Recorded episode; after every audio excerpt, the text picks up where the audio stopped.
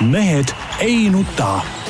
selle eest, et mehed ei nutaks, kannab hoolt Unibet, mängijatelt mängijatele kõigile, kes meid kuulavad ja vaatavad, ükstapuha mis kellaajal, ükstapuha mis päeval ja ükstapuha millisest vidinast, Mehed ei nuta eetris, teisipäev, kell on üksteist ja kolmteist sekundit, täna me läksime veidikene varem eetrisse, mõni, mõni sekund varem.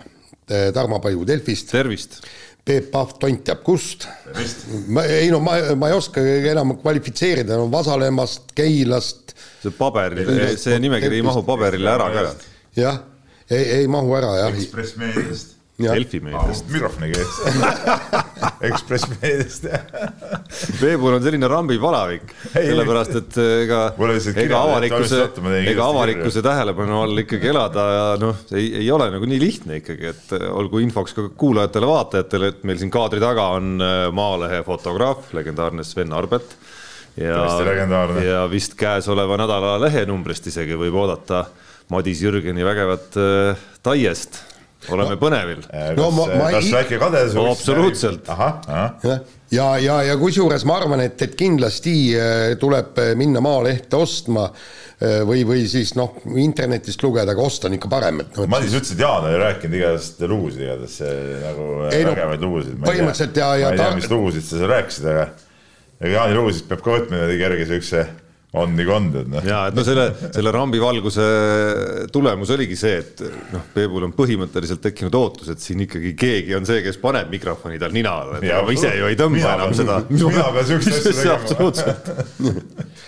aga jah. ja, ja. ajal, kui see mäng on time out, siis ma ootan, et keegi mulle selle tooli toob sinna, kui ma saan peale istuda. ja see süsteem on juba olemas jah selle juurutame et jah. ja et... keegi ulatab sulle selle tahvli ka või? et sa ei hoia ise seda enda käes, eks ole. jah siis sul, kas... kui selle vastu maad puruks viskan, siis tal on kohe niimoodi sealt nagu kotist kohe uus võtta ja uus pihku. aga sina vist selle koolkonna mees ei ole ikkagi, kes enne koos oma abi, enne kui ta meeste juurde läheb. Väikese... ei, ei ole, ei ole, ei ole jah no,, et aga no nüüd on, nüüd on, nüüd on rambivalguses on see kõik nii käega katsutav juba, varsti. ülekanded, ma olen pettunud, et see eelmine hooaeg ei vaadanud. ja, aga ma ei, vot seda, seda ma ei pannud tähele tõesti, et, et sa ikkagi teed ka selle nii-öelda soome keeles torin kogouse enne, enne kui meeste juurde lähed. mängid demokraatiat. mängin demokraatiat või jätan, saad aru, tuleb jätta abitreenerile ka nagu mulje, et, et ta saab ka midagi ütelda ei, tegelikult kui tõsiselt rääkida, siis ei, meil on küll see süsteem, et ka eelmine hooaeg ja üle-eelmine hooaeg, et me ikkagi Üllariga seda arutasime läbi asjad kuidas teil on siis enne mängu, teil on mingisugune traditsioon ka, tulete, panete pead kokku ja hüüate Keila või tervist või? Kuidas? tundub, et Jaanil on ikka miski nagu mõju avaldanud. ei, ei no on ju. Jaan, tuletame meelde, on siis haiglast tagasi aga, ma aga... tunnen, et teda siiski opereeriti ka, ka mingit sealt kõrgemat poolt midagi. ei no aga sealt ei ole ju enam midagi ära võtta, nii et kui, siis ainult pandi juurde. imeti tühjaks või? nii, aga kui me, kui me siin ikkagi saate sissejuhatuses juba, juba natukene sinna Keila korvpalliklubi tegemiste juurde läksime ja, ja Peebu personaalküsimuse juures nagu pidamas oleme hetkel, siis Peep pühapäeval, pühapäeva ennelõunal toimus äh, koduse korvpalliliiga hooajaeelne üritus, see oli, mis oli Männiku lasketiir või, või mis koht see oli. Selline militaarsugemetega üritus. Äh, kõik, kes on meie saadet vaadanud ja kuulanud läbi aegade, äh, kindlasti teavad väga hästi ja neile ei tule üllatusena see, milline legendaarne Nõukogude armee sõdur Peep ikkagi, ikkagi oli omal ajal. nii sellel üritusel toimus ka üks laskmisvõistlus. mul läks väga hästi. Keila sai neljanda koha, kui ma nüüd õigesti mäletan. nii? mis mõttes? hästi, sinu kogemuse juures. mina lasin kõik hästi. alla võidu. aga, noormängija Kasemets, kes praegu muuseas on ametlikult sõjaväes. ma ei oled... tea, mis Eesti sõjavägi teeb, mees on reaalselt sõjaväes ja laseb äh, sajast mingisugune, ma ei tea, kakskümmend viis või midagi siukest. kuule, nii vähe ei ole võimalik lasta. mina lasin äh, kuuskümmend kusjuures. kuuskümmend? oota, üheksast, sest üks läks kuhugi nulli, ma ei saanudki aru, vist lasin valesse märklauda kogemata. ei, aga sa. see on nii lähedal seal, ei, reaalselt lasigi vist kuskil mujal, mul on siuke tunne. kas sa niimoodi hakkad äh, hooaja käigus ka vabandama oma, oma seti võitsin. kas sa niimoodi hakkad hooaja käigus ka vabandama oma, oma kaotusi näiteks, kui neid tuleb, kui need, kui need mõni tuleb üldse loomulikult. ehk siis, et sina tegid kõik treenerina, et sina tegid kõik õigesti, aga näed siin Kasemets ei osanud saanud pihta. ei no kuule, kui me kümne võistkonna hulgas, mis seal püssi lasid, kusjuures EOK tegi veel sohki, eks ole, Siim Sukles äh, üritas seal lasta, ta oli ise nii nõrk, siis ta võttis härra kindrali enda kõrvale, kes siis lasi kõik pihta, onju. kui äh, ütleme, see kõrvale jätta, siis oligi üheksa, üheksa satsi ja kui ma oleks, Kossus oleksime ka neljandad näiteks pärast seda või viiendadki ma oleks väga rahul hooajaga. sul ei tundu, et need äh, latid on kuidagi nii alla tulnud nüüd, kui. oot, oot, oot, aga, aga ma nüüd rõhutan veel kord, jälle sa ütleme, ei jälginud korralikult. mina ei tea, mis nad seal esimeses ringis tegid, ma pidin andma seal intervjuusid, vaata, see on niisugune raske töö, tead näe. ja ma ei saanud jälgida, kes esimeses vahetuses tulistasid. teises vahetuses läksin tulejoonele. loomulikult parim mees teises vahetuses, kindlalt parim mees. noh, ma järgisin ka neid, kes minuga koos olid seal. noh, kõrval olid siin noorsportlased mul, noh, need ei saanud üldse millegagi hakkama, eks ole, noh ja siis mina kindlakäeliselt lasin seal pihta ütlen ausalt, olen pettunud. ei, kuidas nii? olen pettunud. neljas koht, ei, mina ei ole Nõukogude armees käinud jumal küll. Ma ei ole ka rääkinud Ega, kunagi oleks, endast kui, kui tõelisest snaiprist. oleks mulle antud kätte äh, õige, kas Iževski äh, vintpüss, eks ole, loomulikult oleks olnud äh, kümnest tasust sada kakskümmend, see on selge, eks ole. aga anti kätte mingisugune kapitalistide ütleme, sihuke rämpstoodang, eks ole, tead noh. Ei olnud seal õiget sihikut ega midagi ja, ja noh. kuule, mis sihikut sinusugusel mehel vaja on? no see segaski mind, tead noh. tunde pealt. noh, selle iiseski püssiga ma siis põlve pealt lasin, pah-pah-pah, kõik pihta, tead noh. aga no ma pidin seal reeglid, et peab kõhuli laskma ja no mingi sada häda oli kuule, kas äkki oli see, äkki olid need, need, mäletad Iisraeli üheksakümne relvad, mis Mart Laar ostis kunagi vist. Kalill automaadid olid need vist. tõsiselt püss ei olnud suurem asi, tead noh selge, no ei, väga hea, mul kohe nagu mure läks maha tegelikult, et ma olin nagu pettunud, sisimas et, sinu ja Keila suurima no, fännina. ja, ja need selgitused kuidas ikkagi. kuidas sa said arvata, et, võtsid, et võtsid, ma ise midagi kehvasti tegin? võtsid mul selle stressi, võtsid selle stressi praegu ja. maha, aitäh. väga hea, väga hea, kas lähme nüüd spordi juurde ka või? no lähme spordi juurde, räägime jalgpallist ja, ja Eestil oli suur õnn mudaliigast välja pääseda. võideti mis oli Maltat kaks-üks ja San Marinot neli-null. ja tegelikult noh, jõle tore, hurraa, me oleme ikka järgmises divisjonis ja, ja, ja kõik, kõik on jõle vahva, aga eilset mängu va vaadates ja meil noor reporter Reigo kirjutas väga hea kommentaari, ma ei saanud aru, mikspärast San Marino vastu lähevad kõik need taadid põllule sellel ajal, kui on, kui on kõik selge, me oleme võitnud eh, kogu selle oma, oma divisjoni, meil ei olnud mitte midagi kaotada, kõik, anna noortele võimalust mängida. ei, paneme ikkagi kõik need Vassiljevid ja Senjovid ja, ja kõik kolmkümmend pluss mängijad sinna ja noored istuvad pingi peal või ei saa üldse satsi, no kuulge. no ma tunnistan ausalt nüüd, hakkame just sellest pihta, et ma unustasin üldse ära, et see mäng on siis televiisoris ju ei näidanud, eks ole et, et see ei tulnud mulle üldse meelde, ma üldse ei tea, millest sa räägid, ma pärast vaatasin ainult seda neid äh, õhtul, äh, kui avasin korraks mobiiltelefoni, nägin neid kokkuvõtvaid kirjutusi, ma ei tea, sa Tarmo vaatasid mängu või?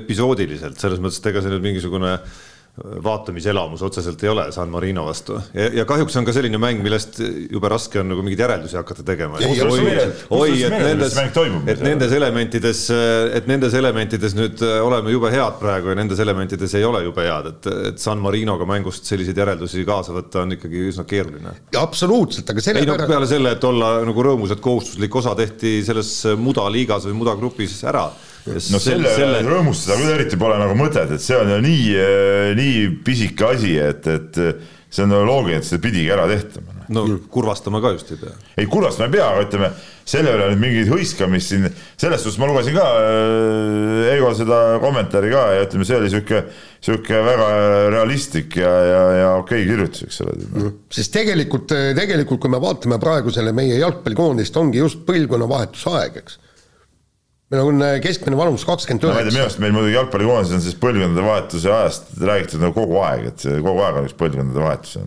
aga, aga, aga mingil äh, sega, segastel asjaoludel äh, noortele ei anta isegi võimalust ja, ja see Eigo tõi ju väga, väga hea punkti, et, et kui selle koroona jama tõttu oli vaja äh, kohta täita ja toodi siis see Baskotši sinna äh, väljakule. ja, kohe jäigi, eks ole. ja, ja kohe jäigi, sellepärast et oligi väga hea ja siis ja, ja, ja kui äh, mingi Hollandi äh, meistriliiga klubi leiab, eks, et, et meie mees on võimeline mängima Amsterdami Ajaxi vastu platsil. ja siis, aga meie jalgpallikoondis noh, et, et saadame talle mõneks minutiks sinna väljakule, noh, no see, see ei ole ka nüüd ausalt öeldes ma noh ja no eks seal on muidugi erinevaid lugusid sees, et seal on ka üksikuid noori mängijaid, kes eh, tervislikel põhjustel ei saanud tulla näiteks on ju, aga noh, tervikuna see pilt tõesti näeb nagu natukene mage muidugi välja tõesti, kui meil keskmine vanus, mis ta siis oli, kakskümmend. kakskümmend üheksa. kakskümmend üheksa.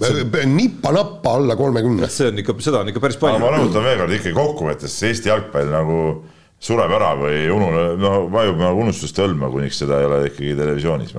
veel kord, meil üks kiri oli ka sel teemal, see on täielik totrus.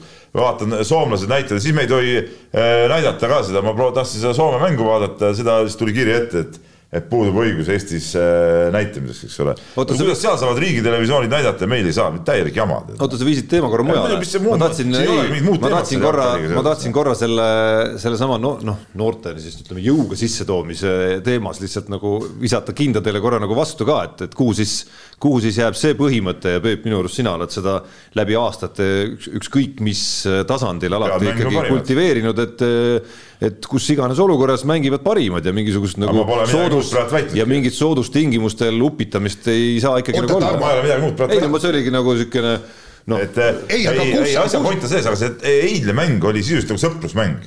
et sõprusmängus see ongi see koht, kus sa noori esile tõstad, kui on ikkagi mõisa peale mäng, siis loomulikult ei ole mingisugust põhjust tõsta lihtsalt mingeid vendi üles, siis, siis tuleb panna nendega, kes on, olgu nad kasvõi neljakümne aastased kõik, eks ole, kui nad on kõige paremad siis nad mängivad, see on loogiline, eks ole, ja see koosseis niimoodi kokku klapib. küll aga nendes siukestes noh, nagu naljamängudes, nagu see eile oli, mis oli täitsa nagu, seal ei ole mitte mingit tähtsust või kui me mängime siin no praegu neid sõprusmänge väga palju ju pole, aga no mõned üksikud me siin vahest oleme ikkagi mänginud. No seal on, need on need kohad, kus ei ole mõtet ju Vassiljevit jooksutada, mis, mida sa seal enam näed neist või, või neid mingeid tennisteid ja, ja, ja Ken Kallasteid ja ma ei tea, kes seal kõik on, eks ole, need vanemad mehed, noh. et, et seal ei ole ju pointi, et on nagu, see on nagu see noorte esiletõstmise koht, et noh. ja, ja kusjuures. kui, kui muidu neid äh, mänge vähe, neid nagu, siis lepi kas mingite klubidega kokku, et koondis tuleb ja mängib kasvõi mõne klubiga vahest, eks ole, et saaks lihtsalt neid noori vendi näha, et mida nad siis tegelikult nagu, nagu suudavad, noh. ja, ja teine asi, vaata seal oli Õhtulehes oli ka täpselt samal teemal kriitiline kir- äh,, kirjutis ja kõik, nagu nad ütlevad, et, et meil ei ole ka U kakskümmend kolm koondist, mis võiks ju olla ja, ja siis saaks ju U kakskümmend kolm koondist saaks ju väga kenasti rahvusvahelisi mänge ja, ja kõike, aga meil seda ei ole Või.... aga palju muudel riikidel U kakskümmend kolm koondisi on? ei no ikka väidetavalt. aga kus nad mängivad, sihukest sarja ei ole ju? ei no ne, neil on omad mängud, äkki on sari, ma ei ole selles nii kindel. ei no eks nad saavad omavahel ka mängida põhimõtteliselt no, näiteks, aga, aga täpsemalt ei tea jah ja. et, et, et see on nagu Eesti jalgpalli probleem ja nüüd hakkame siis, varsti loositakse siis EM-i alagrupid ja, ja siis saab näha, kellega me siis jällegi üritame kastanit tulest välja tuua. aga noh, eks seesama vastuargument, mida ma siit üritasin teiselt poolt lauda tuua, noh, ongi ka see põhjus, miks äh, isegi jättes välja selle, et San Marino on mis kahesaja, mis iganes ta maailma edetabelis on, kas kõige viimane või peaaegu kõige viimasem, eks, ja Malta ei ole ka nüüd mingisugune suurriik jalgpallis ja üleüldse ka mitte, kuigi noh, ka mitte nagu võib-olla nii äh, selline nagu jalutuskäik, nagu siin võiks äh, paberil vaadata, et, et no ütleme, no nende vastu on olnud siin probleeme küll, meist suurematelgi et siis, siis noh, see, mida me nüüd vastastest sõltumatult saame vaadata, on, on ikkagi see pilt, et esiteks needsamad nimed, kes siin on mainitud, noh, ei ole tulnud nagu mürinal veel niimoodi sisse, et noh, et nad mängivadki lihtsalt pingile, needsamad Vassiljevid ja Zenjovid. et, et see tuumik, mis meil koondises on, on ikkagi noh, niimoodi, et sul on vaja Zenjovi selleks tuua sisse, et, et tuua see punkt nagu igal juhul Oota, nagu ära, on ju. ehk siis, ehk siis noh kuskil on meil see nagu noh, see peegeldab ka ikkagi nagu seda auku, mis meil endiselt on olemas sealt kuskilt alt. Tarmo, kuidas need saavad mängida öö, neid seniore ja kõiki pingile, kui nad, neile ei anta isegi mänguaega?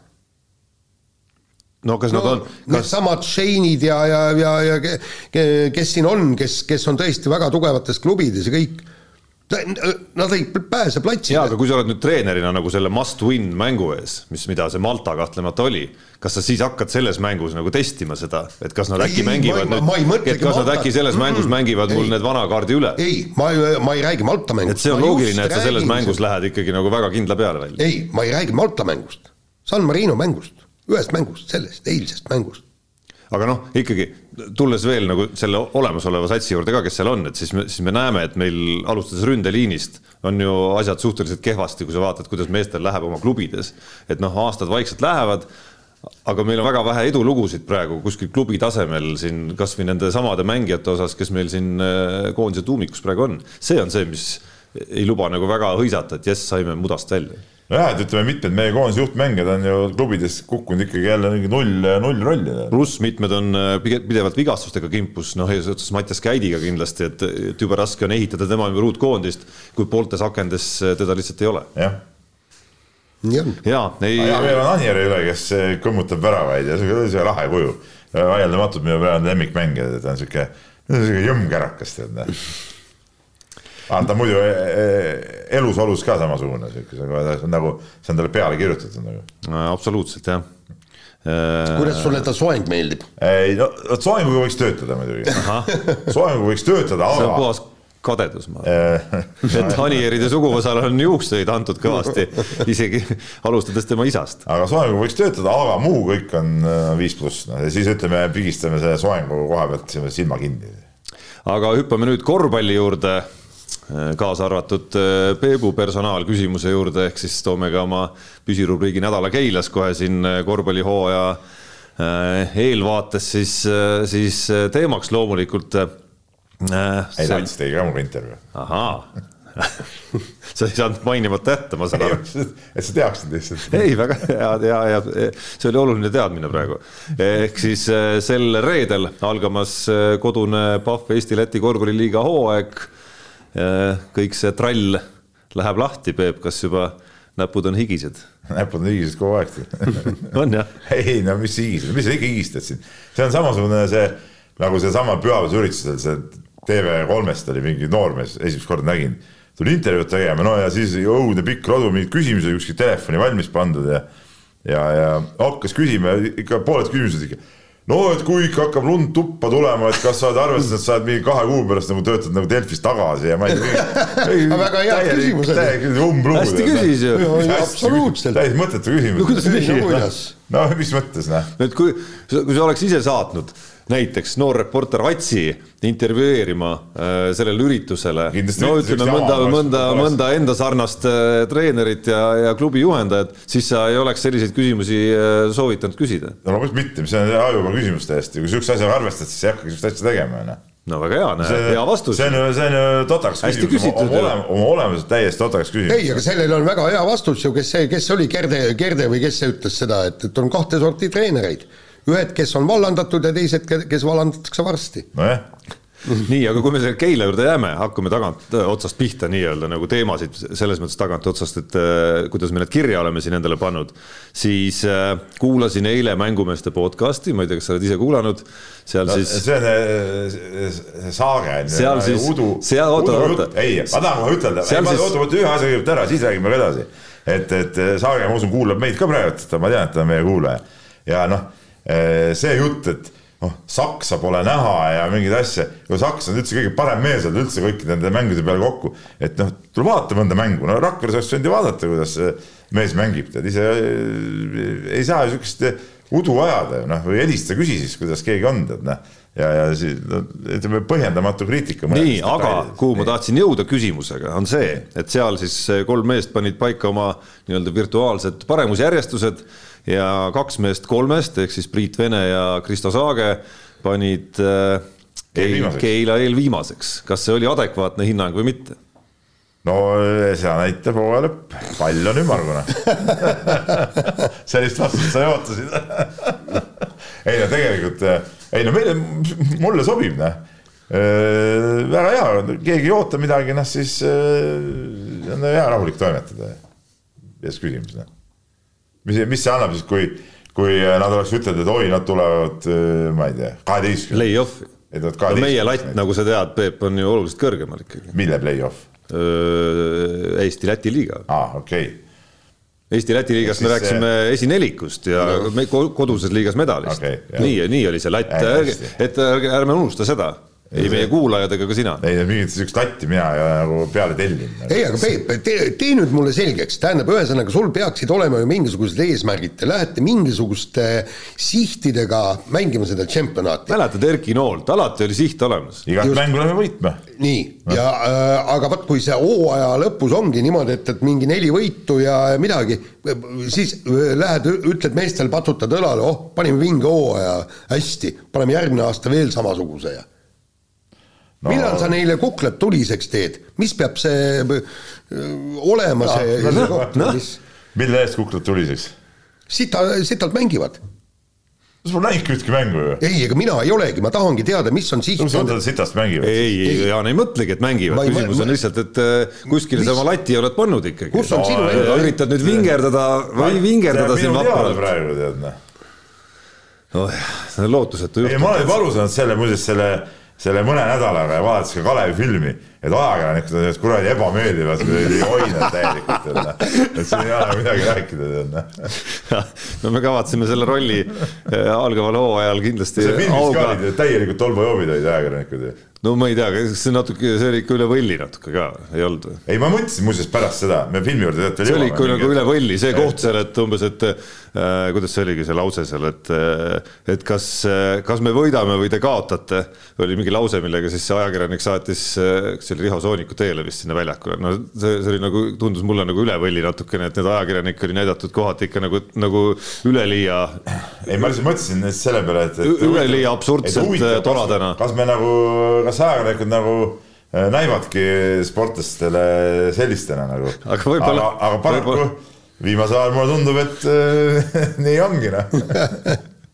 Nii, aga räägime nüüd, äh, räägime, ega ei pigista siit midagi välja nagu näha, räägime siis ikkagi äh, sellest tipuheitlusest, kuhu meie muidugi Jaaniga loodame, et Keila ka kavatseb sekkuda sellel hooajal.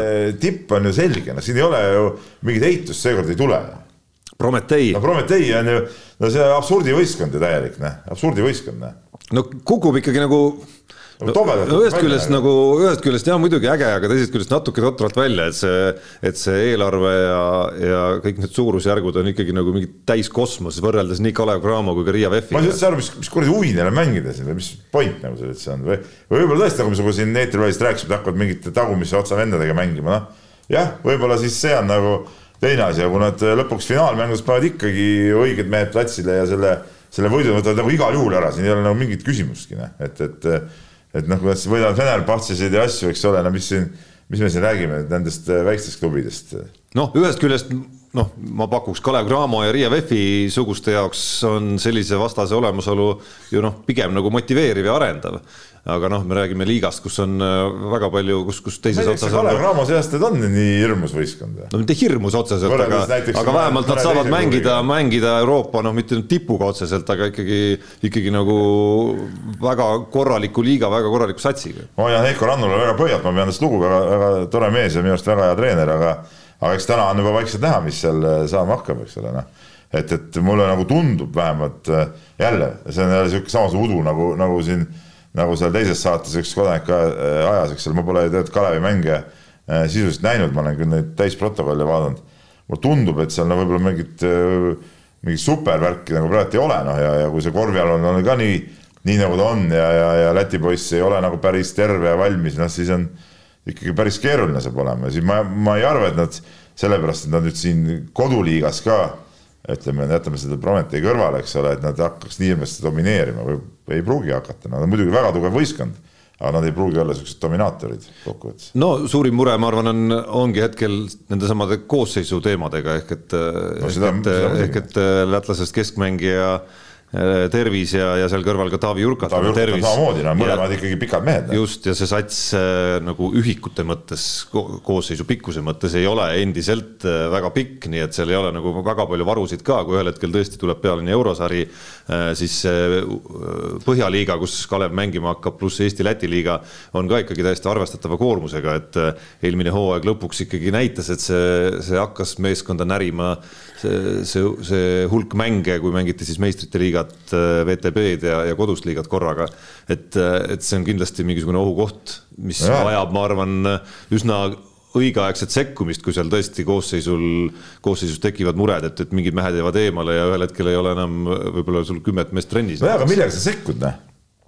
no ainuke variant on värbamisega. no aga see on siuke mõnus värk on ju, ma ise vaatan, ma saan ise vaatan ka, et mul oleks. ja muudkui muudkui värba on ju ja siis vaatad pangaarvet, eks. millest ma nagu värban, eks ole, noh siis eile oligi, no ma toon, ma ei taha nagu muidugi enda satsi peale rääkida, lihtsalt mingi näide jälle noh eile siis äh, ühe agendiga korra rääkisin, et, et noh, et, et mis sul nagu selle raha eest, ütlesin ühe konkreetse summa, mis sul selle raha eest saab pakkuda, noh, sellele positsioonile, no saatis kaks venda, no mine metsa, noh, noh, no no täie, no kaera, kaerajaanid on nagu väga hästi öeldud, no, no mida sa, mida sa siin värbad või palkad ja, ja Kalevil omal, Cramol omal tasandil on ju sama olukord, eks ole, noh nende see level, ütleme, keda nad tahaks nagu palgata, on ju kindlasti kõrgem.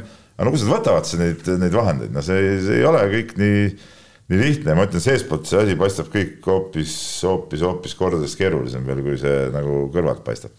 aga, aga okei okay,, noh, paberil Kalev Cramo, me oleme nõus ikkagi no,, peaks, peaks olema Eesti, Eesti meistritiitli soosik number üks ikkagi, et, et see, kuidas nagu omal tasemel, see, kuidas omal tasemel selle eelarve piires, mis neil on, suudeti noh ilmselt mitte ilmselt, aga väga selgelt ka parema eelarvega kui teised, suudeti hästi kiiresti teha ära need sammud, mida äh, uus peatreener Heiko Rannalu tahtis teha, ehk siis saada ka teistest klubidest kätte need mängijad Eestist, keda, keda ta tahtis, kõiki muidugi vist ei saanud, Mihkel Kirvest näiteks. aga, aga noh, suures joones äh, nii vara, varakult komplekteeritud Äh, Kalev Cramot, mm, okei okay,, mälu on lühike muidugi, aga, aga me tegelikult ei mäleta, aga igatahes Eesti teistest klubidest oldi nagu päris korralikult ees. no Tartu ja Pärnu ilmselt on kõige loogilisemad. ma tahtsin, et, et kõik nagu aluseks, mis ma nagu mõtlesin, et, et Kalev igal juhul on Eesti liiga suur soosik, aga nad ei ole. no paberil nad on Eesti-Läti kolmandad ikkagi. sihuke võistkond, kes, kes ütleme Eesti liigas ka kõiki võistkondi rahulikult tolmutab, et see ei ole nii, et kui a la mingid tõesti Tartut, Pärnut, võib-olla ka Rapla, kes võiks nagu olla päris okei okay see aasta nendega äh, mängima tuleb, et siis on nagu ette tea, ikkagi nagu ette teada, et noh, no Kalev igal juhul võidab, et niisugust asja ma arvan, et ei ole. aga tervikuna nad on soosikud. aga selle järel Tartu ilmselt no,. mina ei tea, see Tartu värk on ka nagu huvitav muidugi. et need kontrollmängud muidugi, need ei anna ka mingeid õigeid äh, õigeid. no üldse ei anna ja, et, et ma selles samas mainitud saates ma ka eile vaatasin, kuidas väga põhjalikult üritati eh, siis kontrollmängude tulemuste põhjal mingeid järeldusi teha. ei et, saa mingeid järeldusi teha. noh, ma toon näite Hispaaniast, kus eelmisel nädalal toimus siis superkarika finaalturniir. enne seda Madridi Real oli mänginud kolm kontrollmängu ja oli seal lasknud endale visata eh, kõigis kolmes mängus rohkem kui üheksakümmend punkti ja siis läks päris mänguks ja see oli hoopis mingi teistsugune Madridi Real, kes sealt vastu. ja, ja no see oli väga tore turniir, aga, mis ma ise nagu mõtlen, see Tartu, ma ei ole Tartut ju ka niimoodi nagu näinud, eks ole, aga ma mõtlesin, nad eelmine kolmapäev mängisid, oli vist kolmapäev, mängisid kodus äh, Valmieraga. noh, tegelikult see sihuke mäng, mida nad pidid nagu võitma, sest neil oli see esitus ka kõik asjad, said tappa Valmiera käest, nii. ma läksin laupäeval ise Valmierasse.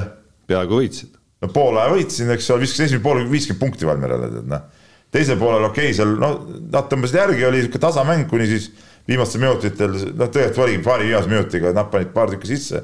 me panime mööda ja tuli kaheksakümne vahe sisse. no ütleme, samasugune võistkond nagu meie, nii. ja nüüd ma vaatan eile sama Tartu käis, mängis VEF-iga jälle nagu võrdne võrdsega, noh. lõpus kaotasid neljaga.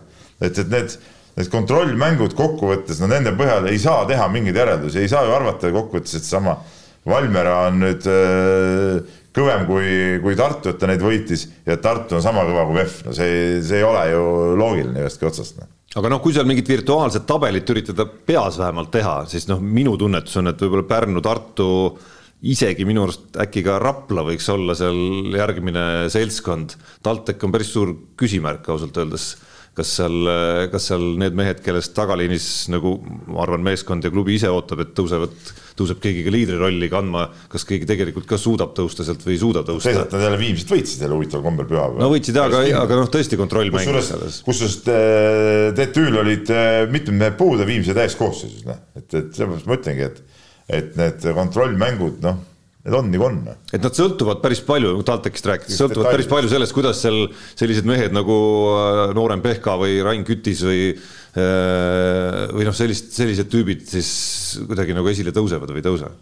jah, aga selles mõttes olen nõus, et see, et see esinelik, ütleme Eesti tugevam nelik, ma arvan, on, on ikkagi need, keda sa mainisid, Cramo, Tartu, Pärnu ja Rapla on see aasta. ja noh, huvitav figuur seal vahel, mitte vahel, aga noh, kuskil seal hetkel võib-olla virtuaalselt järel, vähemalt paigutatakse järele, on siis äh, Rauno Pehka debüüt äh, koduses liigas olukorras, kus hetkel tundub, et, et noh, kui sa praeguse koosseisu võtad, siis, siis nendelt noortelt, kes sealt eelmisel aastal Rahvaliigaski mängisid ja võitsid selle alles, noh, oodatakse võib-olla liiga suurt hüpet selleks, et rääkida siin näiteks medalitest Eestis. aga kui me paneme sinna paar, paar või kolm isegi legionäri juurde ja kui need on korralikud legionärid, siis, siis see võib seda pilti muuta ikkagi ju täiesti medaliklubiks Eestis. no ma natuke pelgan ikkagi, et, et see koosseis on niisugune ikkagi äh, vigastuste aldis suhteliselt noh, vanad, noh, vanad on vanad, te olete ju kangur, ega siis me ei saa öelda, et, et Veidemann ja, ja, ja Kajupank ja, ja, ja, ja Sokk nüüd oleks mingi õudsed vanurid, noh, tead, täiesti normaalses mängueas eh, mehed veel, eks ole, aga, aga kui sa vaatad neid kõiki üksikuna, siis nad on eh, kõik ikkagi sellised mängijad, kes hooaja jooksul noh, kipuvad ikka vigastustega mingiks perioodiks välja langema. kui sa vaatad, kes seal tagantpoolt tulevad, Paiste, ka alati sihuke mees, kes on pool hooaega vigastatud. Et, et selliseid auke võib väga palju sisse tulla ja siis on nagu see küsimus, et kuidas need noored suudavad augud ära täita. Ja noh, ma näen sealt oma, omast, kes teile ma hakkan oma satsist rääkima, et nendel noortel on tegelikult ikkagi sellele eh, kõrgemale tasemele tulek eh, päris raske ja ütleme, nendel Rauno poistel on nagu seepärast veel raskem, et nad on ju tegelikult veel, veel nooremad ja see samm peab veel pikem olema, et seal võib üks-kaks head kutti olla, aga aga, aga ütleme, selle kõik see kohanemine, see meeste kehadegi kohanemine, et see ei ole nagu ja kiirustega, et okei okay,, Rahvaliigas nad olid ise, mängisid seal, olid ise kõigest kiiremad, aga nüüd äh, siin need mehed, kes siin mängivad, see tempo, see on ikka hoopis midagi muud jälle no üks, mida, üks väike parandus ka, mis jäi mul juba siis, kui ma ütlesin välja selle hingele, et loomulikult Ralf Kütisest on jutt, kui me räägime TalTechi ühest äh, loodetud, äh, loodetud noorest, kes, kes võiks pead veel rohkem tõsta, aga Pärnu ja Kalev Cramo ja nende, nende heitlused siis Eurotandril on miski, mis mis sellel nädalal juba võivad saada päris palju selgemaks, ehk et kas Kalev Cramo pääseb üldse. Täna algab siis kvalifikatsiooniturniir eurosarjas Leedus see turniir toimub ja, ja Horvaatia klubi Cedevita duubel põhimõtteliselt on siis neil vastane. Pärnu üritus meistrite liigasse pääseda, kuhu noh, ega tegelikult klubil vist noh, väga suurt ambitsiooni ei, ei, ei, ei olnud ka pääseda, et see oleks päris, päris keerulised logistilised ja korralduslikud ülesanded no,. aga sellised esimesed mängud tahtsid võita, see oli ka selge. Noh.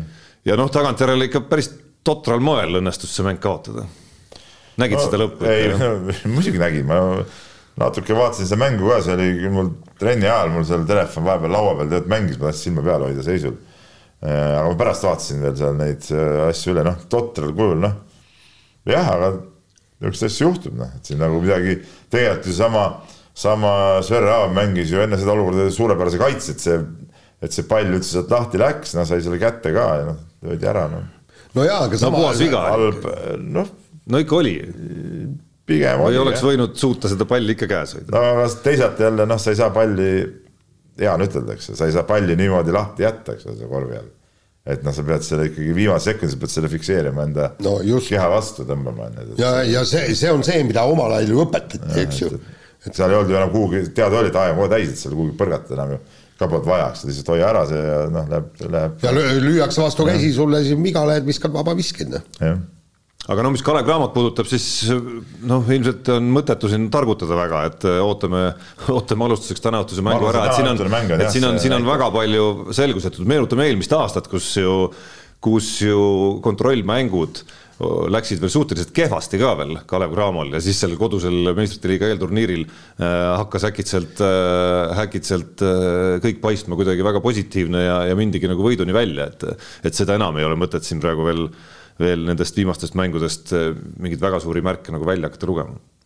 nii, aga läheme edasi jalgpalli peale, ma arvan. Läheme, jaa, läheme.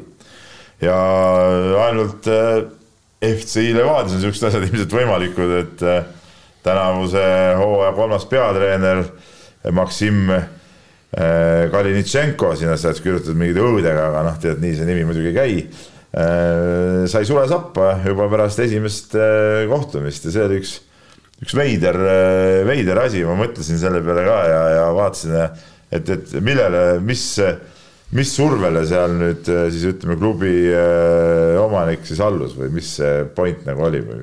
ei no,, sealt ei saa. mitte midagi nagu aru ei saa. no kuna, kuna mees, kes nende otsuste taga ilmselgelt on, ei ole ka mees, kes neid otsuseid kommenteeriks, ehk siis. ehk siis, siis on, siis on nagu väga raske lugeda, mis, mis mõttemaailm seal praegu valitseb. et kas ta nüüd äh, allus siis ütleme mingisugusele klubi sisemisele survele mingid teatud inimestele, kes ütlesid kohe ära, et see treener ei sobi, eks ole noh, selle ühe mängu põhjal, okei okay,, nad said vist tappa selle onju. ja no. ja, ja Kuressaarele kaotasid. jaa, seda küll no aga sa ei saa öelda, et see uus treener on nüüd äh, kehva sellepärast, et ta tuli esimeses mängus sai tappa Eesti meistri aga... keskmiku käest, Kuressaare on mingi viies või kuues oota, aga, aga seal oli see Tarmo Kink, ega ta pikemalt ju ei seletanud, aga ta, ta andis ka vihje, ütles, et seal oli kohe sel-, noh, selles mõttes, kui treener tuli, oli, oli selge, et, et see ei ole ligilähedaltki see tase, mida me vajame et seal oli, ma kujutan ette, et küsimus polnud niivõrd mängus, kuivõrd selles, kuidas neid treeningud läbi viidi, kuidas mängijatesse suhtuti ja kõik, kõik no küsimus oli selles, et otsus ise juba tuua see mees. No, see oli juba veider, oli juba esiteks veider ja teiseks, teiseks siis ka see tüpaaž, mis ka paberil ei näinud välja kui, kui mingisugune edasiminek, sest ega sellel mehel ju mingisugust tohutut pagasit all ei olnud ja CV-d, mis oleks viidanud, et oi, see mees tuleb ja, ja pöörab Levadia ringi, et, et noh, siis, siis, siis ju see sai praktikas suhteliselt suhteliselt kiiresti eh, kogu protsessis alates treeningutest kuni, kuni mängus ka selgeks. ma saan aru, see Kingi vana meeskonnakaaslane Moskva Spartakist veel mingil ajal nüüd koos mänginud vist. nojah, aga. ei, lihtsalt, lihtsalt seal ma kuulan ikka nende jalgpalli podcast'i ja minu arust see sealt käis läbi, kui mul õigesti kõrva ja ei, imelik käik igal juhul ja mis nüüd on siis nagu neljas peatreener juba ühe hooaja jaoks. no kes on KT, ma saan aru no,, Nikita Andreev, et. no jaa, aga nad sel hooajal enam kedagi uut enam ikka ei too, hooaeg varsti saab läbi juba no raske on näha, mida selline, selline klubi juhtimisstiil head saaks teha ikkagi. üle noh, ilmselgelt üle tegelikult nende peade, kes peaksid, kes on sul palgatud seda klubi juhtima ja neid otsuseid tegema. see peaks nüüd täna küll selge olema, et see niimoodi on käinud kogu aeg. kuulates ja lugedes eh, kasvõi Tarmo Kingi kommentaare, kus eh, noh, selgelt on väga palju, mida ta ei taha rääkida ja millest ta ei taha rääkida.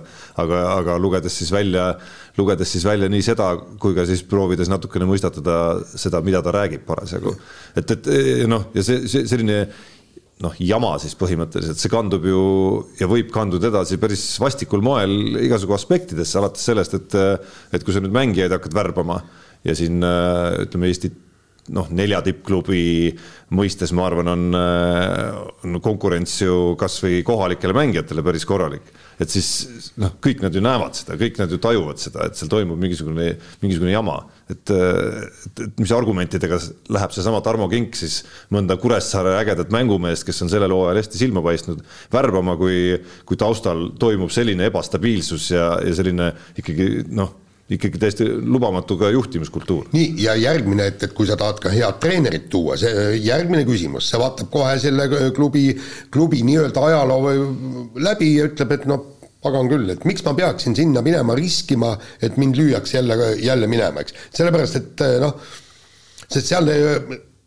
kõik nende eelmiste treenerite minema löömised ei olnud ju nii üks-üheselt et me kohe, et, et seal oli ju see, et, et tegelikult ju hullu ei olnud. no esimene, esimene käik oli vist natukene algas treeneritest endast, see nii-öelda tandemi lahkumine sealt. ehk siis nende tunnetus, et on vaja muudatust, aga teine vahetus, noh, oli selline, kus tundus, et oleks võinud ikka nagu aega anda küll veel, vähemalt hooaja lõpuni. ja, ja, ja, ja nüüd euromängu tähendab, ühesõnaga kõikidel on pinge peale pandud, eks, et me tahame jõuda sinna äh, alagrupi turniirile äh, et, et me äh, üritame meistrite liigas teha veel, veel, veel sammukese, teenida klubile raha, kõik sul meeletult pinged peale pandud, siis saad null viis tappa, on ju, ja siis selle põhjalt nagu äh, hakata, hakata nüüd siis äh, treenerivahetusi tegema, et see ei ole see tase, kus tegelikult Levadia peaks mängima. see kõik on õige, aga, aga ma ei tea, kas te kuulasite seda podcast'i ka, kus Vassiljev oli seal äh, teise tunnistas ka, et vaata see komplekteerimine ikkagi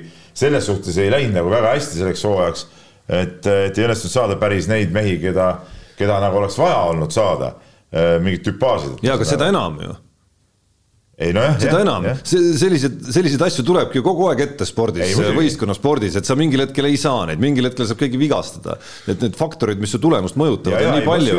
et võib-olla sellest, seda arvestades. et sa ei saa üle. nagu, nagu sellest sammusest. jah, et sa ei saa nagu üle reageerida sellistele asjadele, mis vahepeal lähevad ka kehvemini. ei, pigem ma ka olen seda meelt, et see, see sihuke emotsiooni pealt kellegi vallandamine ja noh, see ei ole jura et noh, sa pead leidma ikkagi inimesed äh, oma meeskonda ja klubi juhtima, kellesse sa usud, äh, kelle puhul sa näed, et nad äh, noh, nii-öelda see protsess, mida nad läbi viivad, on, on nagu suund on õige. Ja, ja no loomulikult tuleb neilgi sisse ebaõnnestunud värbamisi, seda, et nad ei saa mingit meest kätte, keda nad tahavad, seda, et keegi saab vigastada, seda, et hoolimata sellest, et kõik on hästi läinud, mingiks mänguks ei tule asjad korralikult välja, seda, et selles samas mängus keegi võtab rumala punase kaardi või lööb penalti mööda ja siis tulevad tagasilöögid, aga kui protsess läheb nii-öelda õigete inimeste osalusel õigesti, siis ei ole mõtet ju nende üksikute ebaõnnestumise peale veel, veel hakata tõmblema nii, võtame järgmise teema, räägime tennisest. Äh, Tallinna Open toimub kahesaja viiekümne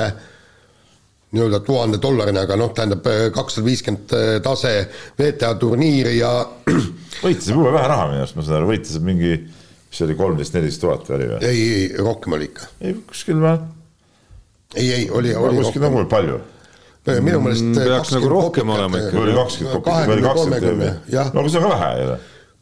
arvestades kakssada viiskümmend on see. no võidad ära kolmkümmend tuhat eurot nädalas, noh, nädalapalk kolmkümmend tuhat, noh, pole ju paha ju. nojah, pisku aga, aga selles mõttes on, on tore, et, et Kontaveit ja Kanepi eh, mõlemad siin mängivad ja tegelikult suur lootus oleks, et nüüd siis nad pool, poolfinaalis vist võiksid kohtuda. et, et kas me saame ka kunagi, kunagi näha siis meie kahe tennisisti eh, omavahelist mängu, et selles mõttes on kummaline, need loosid, värgid, särgid, et nad ei ole kunagi kokku läinud. Nad ja. on ju mänginud aastaid ja aastaid. samu turniire, eks ole. samu turniire, kõike ja kokku ei, kokku pole läinud jah, no nüüd ka ikkagi suhteliselt noh, suhteliselt kaugele sattusid nad seal tabelis. omal ajal ju Kanep ja Maretani ka väga, kas nad üldse kohtusid kunagi päris turniiridel? ei ole kindel. ma ei mäleta praegu jah. ja aga no nad. korraldati Eesti meistrivõistlused. ei no okei okay,, seda küll, aga ma mõtlen, nad ju tegelikult tiirutasid ju ka ju aastaid ju koos. aga, aga noh, seda me räägime mingist poolfinaalist, Kontaveit ju mängib täna esimese mängu ja ega siin kergeid vastaseid ei ole, see ei ole niimoodi, et, et lähed ja jalutad neist kõigist üle ei muidugi ei ole noh, ja, ja Kanepil on ju Ostapenko, eks ole. no täpselt, just oli finaalis oli. väga, väga tugev, eks ole noh. noh, ja Kontaveidil ei ole ette näidata siiski viimastest kuudest edulugusid, nii et, et väga raske on siin äh, rusikat lauale lüüa ja öelda, et ohoh, et meie see unelmate poolfinaal siis paistab sealt. me plaanite vaatama ka minna või? Äh, ikka tahaks jah, mingil õhtul. sul on pilet olemas või? ei, hetkel ei ole, aga piletid on saada veel. ma vaatasin ka eile, et piletid on saada, aga, aga no pagan õhtul ei saa minna, noh, pole ühtki vaba õhtut minna minna, noh ja päeval on mingid jurad mängud, mis sa päeval seal vaatad. no ja. ei ole nad päris jurad, aga no, no selles suhtes, kui lähed vaatama, siis tahaks omasid vaadata no.. aga tegelikult no, kusjuures, kusjuures nagu hommikul siin oli juttu meie piletimüügiga tegeleva inimesega ka, et ega seal nüüd nagu alates tänasest õhtust ja need õhtud, mis tulevad, kus Eesti ütleme, tipud, Kontaveidid ja Kanepid ja ja rääkimata veel otsustavatest mängudest, ega seal neid pileteid nüüd väga palju ka enam ei ole. eile igatahes finaalil oli ka piletid saada veel, ma vaatasin. ja aga no, aga, aga on, ja aga on ikkagi juba, juba ka suhteliselt läinud seal teadmata, kes kes, kas seal üldse Eesti mängijad ja. mängivad. et, et selles mõttes. no ilmselt... tennise kogukond ju, kes tahavad vaadata, isegi sellest, kui meie omas seal pole, noh, siukese see seltskond on päris suur ju tegelikult, ega siin pole ega see, need tribüünid, ma ei tea, palju seal mahutavad. kaks tuhat ümmarguselt. see nagu ei ole mingi mingi super äh, suur number ka ju noh. ja, ja noh, samas jälle tahaks öelda, et lihtsalt spordifännile, kes ei ole oma silmaga näinud sel tasemel tennist, ikkagi kindlasti vaatama minna, et see on, see on ikka, ikka elamus Te,, tegelikult see noh, telekast ei ole see tennise vaatamine ju see, et seal ikka. see on teine asi no, muidugi. jah, hoopis teine asi, et, et äh, vähemalt läbi käia, aga, aga noh, mis eile oli siis see meie esimene Neiumaa löögina mängis ja no selles mõttes oli see huvitav mäng, et sa näed on maailma neljasajanda ja maailma tippmängija taseme vahet, noh. et see on ikkagi noh. isegi kaks tükki sai kätte ju. ei no.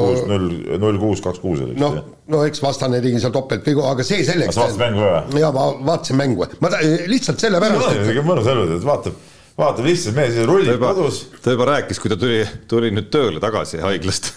Siis ta rääkis, et, et väga äge asi väga äge asi, mis haiglas oli, olid need voodid, mis seal on, vaata, saad mootoriga tõsta, et äh, põhimõtteliselt äh, ma arvan, et siin on juba plaan, kuidas koju endale selline hankida, mõtle, kui hea on sealt äh, vaadata spordiülekandeid seal, paned kõhule oma laptopi kõhule ja ja siis regullid. mul on, mul on selline diivan, sellised tugitoolid elektrilised, et vajutad, siis tõuseb see jalgadasi üles, siis see pea vajub alla, saab niimoodi mõnusalt täpselt sellesse asendisse nagu nagu vaja on, see on, see on väga soovitan sulle osta, väga mõnus on niimoodi, et tahad siis lebastad seal tahad, siis oled niimoodi noh, et, et see on sama, põhimõtteliselt sama süsteemiga tead noh. no Jaan tahaks nagu ühendada sellega voodiga, nii et. Nagu vaatab, vaatab ja siis veel heidab magama ka. ei no sa võid ju seal, ma olen küll ja küll telekas tukkuma jääd niimoodi. aga tegelikult. mida rohkem sa lösakile lased ennast, seda rohkem tukkuma kipud jääma õhtuti muidugi.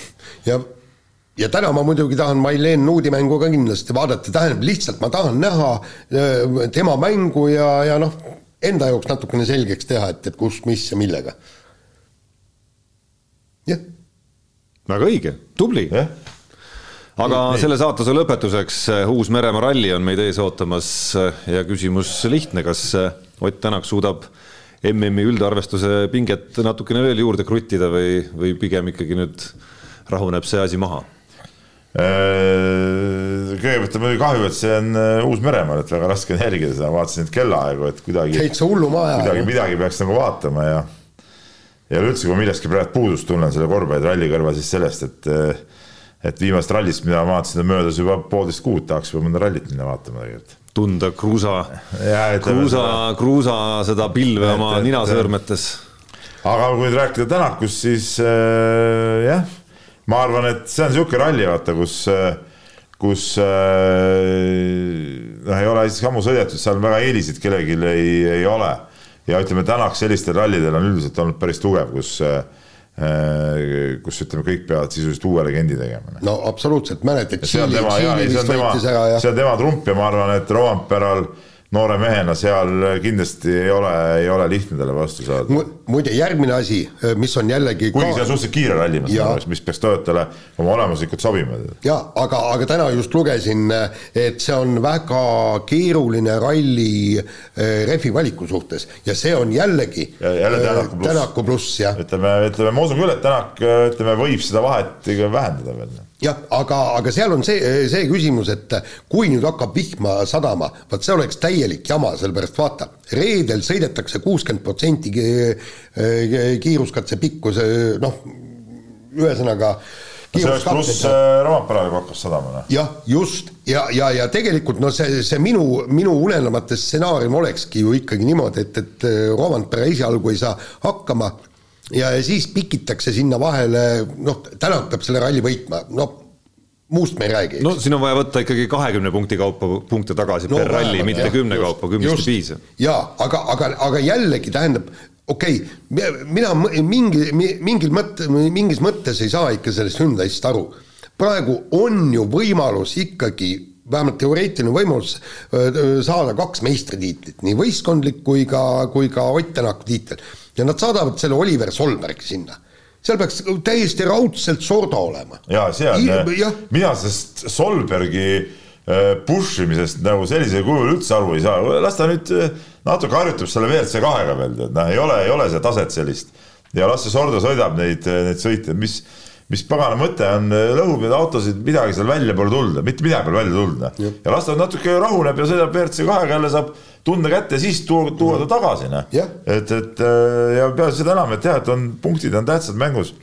ma ka ei mõista seda. jah, sellepärast, et praegu tuleb sealt, kui sa tahad tiimi, tiimi arvestuses, nagu see tiimiboss ütles, et me mängime tiimi arvestuse peale, seal on üks võimalus, kolmikvõit saada.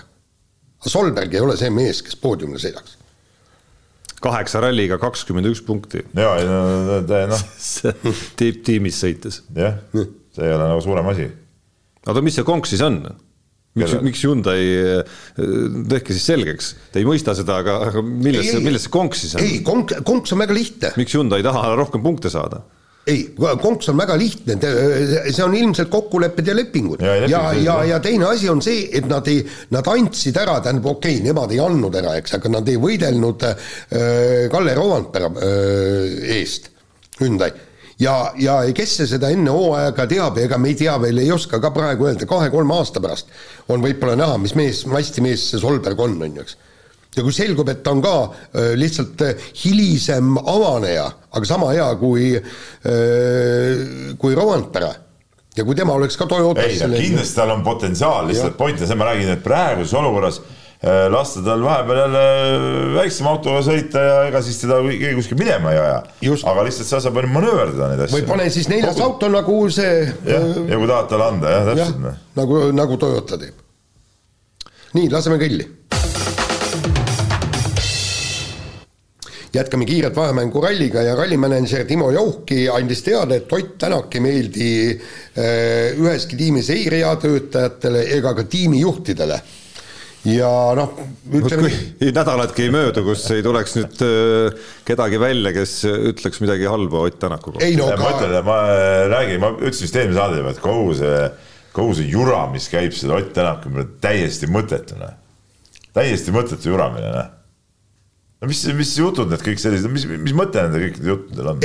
aga. Ott Tänak on nagu ta on, Ott Tänak, noh, loomulikult ta ei ole mingi lihtne inimene, loomulikult ta on keeruline inimene, loomulikult ta võib paljudele mitte meeldida ja, ja ei meeldigi paljudele ja nii edasi, noh. kokkuvõttes loeb ju see, et ta on ju äh, kõva sõidumees ja, ja, ja maailmameister ja, ja sisuliselt, sisuliselt kõige kõvem sõidumees praegu maailmas, noh, kui me räägime sõidumees, noh siis on kõik, no mis, mis, mis see, mis see meeldimine siia puutub? jaa, aga, aga tegelikult noh, ühesõnaga ma olen ju Tommy Mäkineniga, noh, ta oli ikka hea jutupaun ja kõik, temaga sai ka rääkida ja ega, ega Tommy, Tommy ütles kogu aeg, ütles, et, et Ott Tänak on perfektsionist, ta nõuab meie käest ideaalset masinat ja, ja kõva töö tegemist ja täpselt samamoodi on, on ka seal need mehaanikud ja kõik, eks. et kui neil jääb midagi tegemata või, või, või teevad valesti või aeglaselt või miskit niisugust siis ega Ott Tänak seda enda sisse ei no, ta ei hoia oma arvamust tagasi, see on selge, noh, ja, ja sellepärast eh, ta ei meeldigi seal paljudele, muidugi mõnus on, kui aa, no läks nässu, no las läks siis, eks ole, umbes niisugune suhtumine meeldis nendele tiimi omadele, ei, asjad ei käi nii, noh. Läks nässu, siis eh, astu pead, no midagi teha ei ole. Noh. no kuule, see, no ja, ja kusjuures niisuguseid sportlasi on ju Eesti täis see Jalgrattaliit ja olümpia, kunagine olümpiakomitee, need hoiavad ju kahe käega peast kinni, kui meenutavad, mida see eh, Erika Salumäe kogu aeg nõudis kõiki tingimusi, värke, särke, kõik ja noh, tal oli täielik õigus seda nõuda no,. mis sa arvad, et Erki Nool on niisugune pai poiss või? või Jaan Talts oli või? Aga te siis pigem arvate, et Otil pole peeglisse mõtet väga vaadata, et, et ega nõudlik saab olla ka erinevat moodi, noh, alustades ka ei, sellest, et kas selline. ma, alustades sellest, et kui avalikult äh, ja süsteemselt ma siis neid äh, oma kriitikat ei, oma tiimi no, suhtes, oma tiimi suhtes, oma tiimi suhtes näiteks väljendan. no see, siin nagu väiksed konksud muidugi on, et, et selge see, et talle endale oleks kasulikum teatud olukorras võib-olla diplomaatilisemalt äh, ennast väljendada mõnikord ja teha mingeid äh, asju ja, ja ütelda teistmoodi. aga tervikuna, no ega ta ei, ta saab ikka olla selline, nagu ta on ja, ja, ja ma arvan, et ta ongi nii kõva mees tänu sellele nagu äh, nagu ta, ta on nagu iseendaks nagu jäänud selle kogu selle süsteemi juures no.. ja, ja, ja eriti saavad sellest ju aju, aru ajakirjanikud, näiteks kui sa, kui sa lähed näiteks vahetult ralli eel või esimesel päeval, kui on, seis on pingeline, siis ta ju plõksib neid vastuseid, sellepärast et tal on ju tegelikult noh, nii-öelda adrenaliin voolab ja ta on hoopis teises dimensioonis ja siis, kui ta on selle ralli ära võitnud, vaata, kui palju on neid kordi, kui ta pärast seda tõesti räägib sinuga pikalt, lahedalt. muidugi rallis on üks probleem, mida me, ma ei tea, me oleme siin saates ka rääkinud, et minu meelest nende kõikide intervjuudega seal ralli juures on ikka räigelt üle igasuguse mõistlikkuse piiri mindud, noh. see on täiesti see ajuvaba ja mõte, noh, see oleks sama hea, kui korvpallis peale igat äh, rünnakut. sa mõtled kiiruskatse järgseid? Need jah, need mingid intervjuud et äh, siis tuleb põmm jälle keegi sul paneb mikrofoni nina alla, noh no, samas... tuleb loodusparki jälle mikrofon nina alla, no jälle, jälle, jälle enne seda rallit, no okei okay,, see on loogiline, enne rallit midagi pead rääkima, noh seal on veel mingi kümme korda veel mingid pressikonverentsid, mingid asjad, noh mida neil sellest nii palju rääkida on?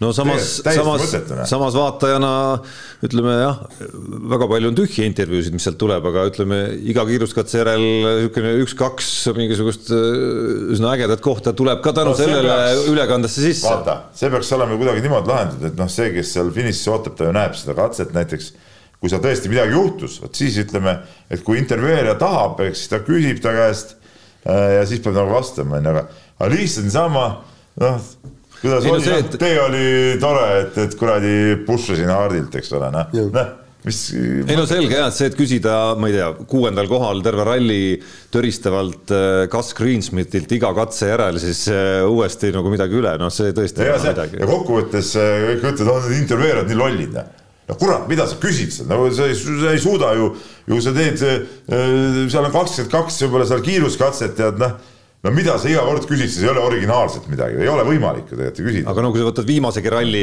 või viimased rallid, mis on läinud üsna teravaks seal teatud meeste vahel vähemalt no, siis, siis kuulata siis neid iga katse järel on äge. kõiki lõputult iga kord intervjueerida ongi täiesti mõttetu. Noh. nojah, aga seal, seal on teine asi ka, et teinekord on head küsimused, et kuule ja on ka olukorrad. ja et sul no, oli. räägin, et kui on, siis küsid, kui ei ole, siis ei küsi, näitad, et sõida ei, edasi, näe. ei, ei, seal oli. sõida edasi. pane edasi, tead, katsu õpi sõitma kõigepealt. ei, aga see, ei, aga vot seal oligi ju see, et, et mäletad see, et Ott Tänakul oli, oli see Kreeka rallil või kus, kus rallil tal oli, oli mingi moment oli noh, ütleme niimoodi, et, et sai nippa-nappa selle masina teel hoitud ja küsiti, et noh, et kus sul oli mingi moment seal, ta-ta-ta teeb suured silmad, moment, ei, ma ei saa, ei saanud aru, noh. aga siis pärast vabandati välja see, et see, mis meile tundus momendina, temal oli noh, tavaline lihtsalt niimoodi väike päästmine ainult. no see katse lõppes on tihtipeale ikkagi ka küsijaks ikkagi endised endine rallimees ka vaata see kaardilugeja. kaardilugeja Marshall. Marshall jah, et noh, ikkagi tema saab väga hästi aru, kas see on moment või ei ole muidugi.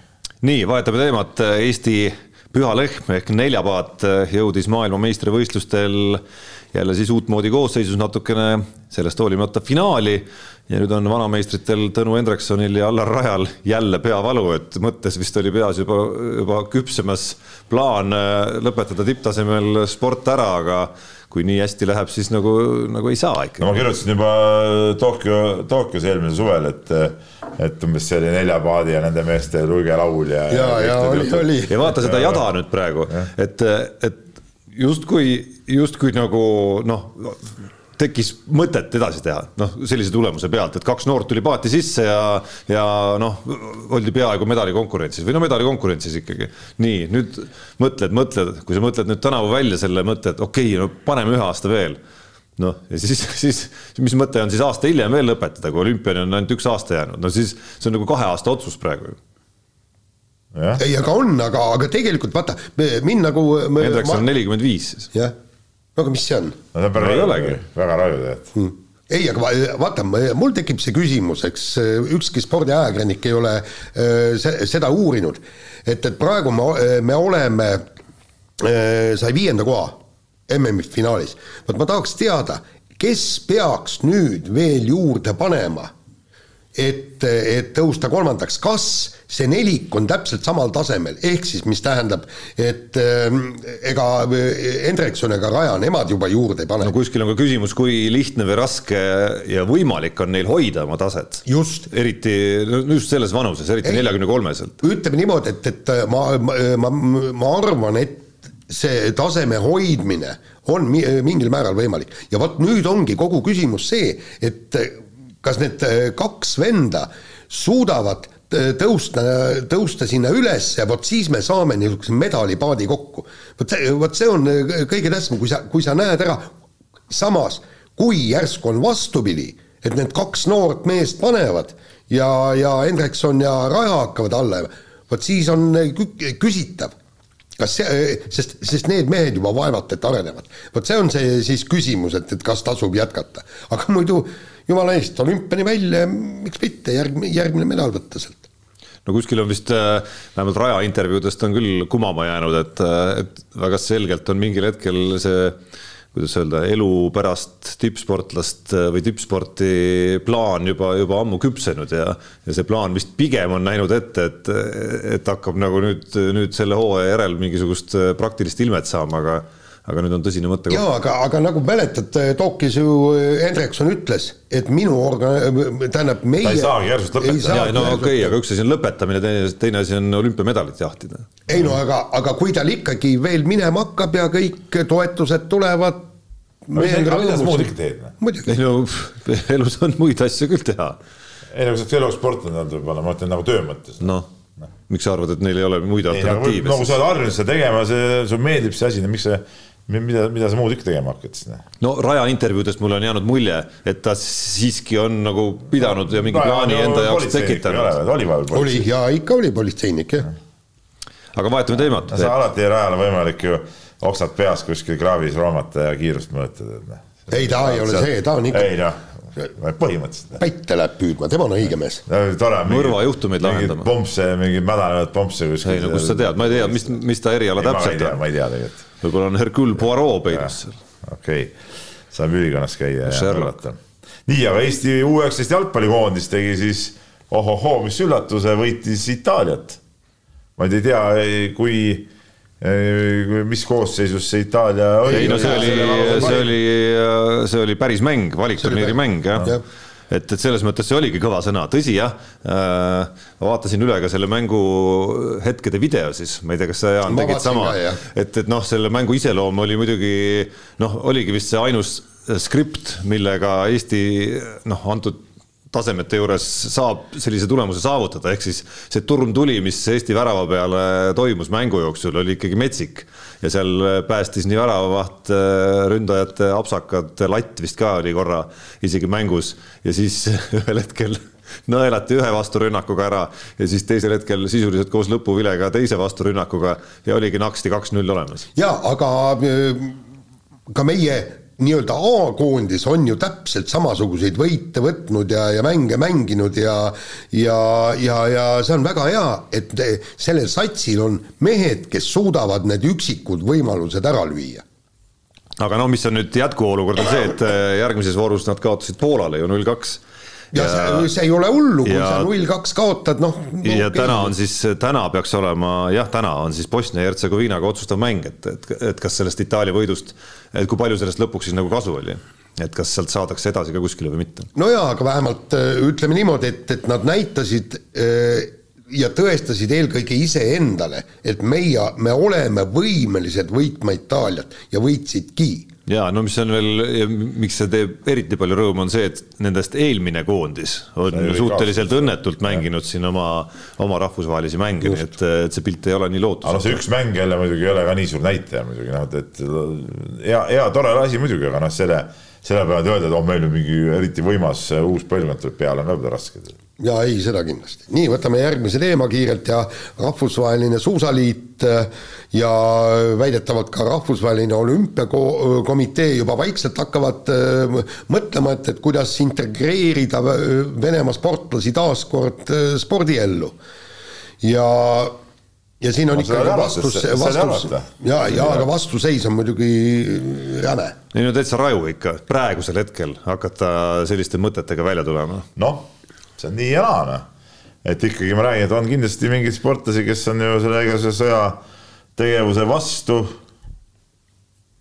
kui nad annavad oma, need on siia räägitud, vaata, et teevad selle, peavad deklaratsiooni mingisuguse allkirjastama. no ei ole nähtud väga siin deklareerijaid. ei, ma räägin, et, et, et kui siuksed on olemas, siis äh, miks ka mitte, nad ei võiks saada nagu võistelda, ma otseselt äh, otseselt seda äh, ei välista tegelikult, noh mis, mis see praktika muidu on, ütleme teiste äh, ütleme sõda pidavate riikide sportlastega, kas kõik on välja lõigatud? On seal ka mingid siuksed äh, eri, erivõimalused? no vot Tarmo, sa tead? ei tea. aga, muide... aga miks sa siis nende võistlemisse nii rahulikult suhtud? no antud juhul puudutab see sõda nagu ikkagi nagu nii isiklikult, et ei, ongi, ongi väga lihtne. aga me räägime no, maailma kontekstis, maailma spordist ju. no me räägime ka maailma kontekstis sellisest nagu maailmasõja piiril olevast äh, olukorrast. ja ei, okei okay,, aga, aga tegelikult peaksid need reeglid olema kuidagi ühesugused, et kes ütleme, kui ma ei tea, no seal kuskil Aafrikas mingid äh, riigid omavahel sõdivad, et kes on see teisele kallale tungija, noh siis peaks samad reeglid kehtima, aga. et noh, ma ütlen, ma ütlen et... päevadel, kus äh, Putin ähvardab maailma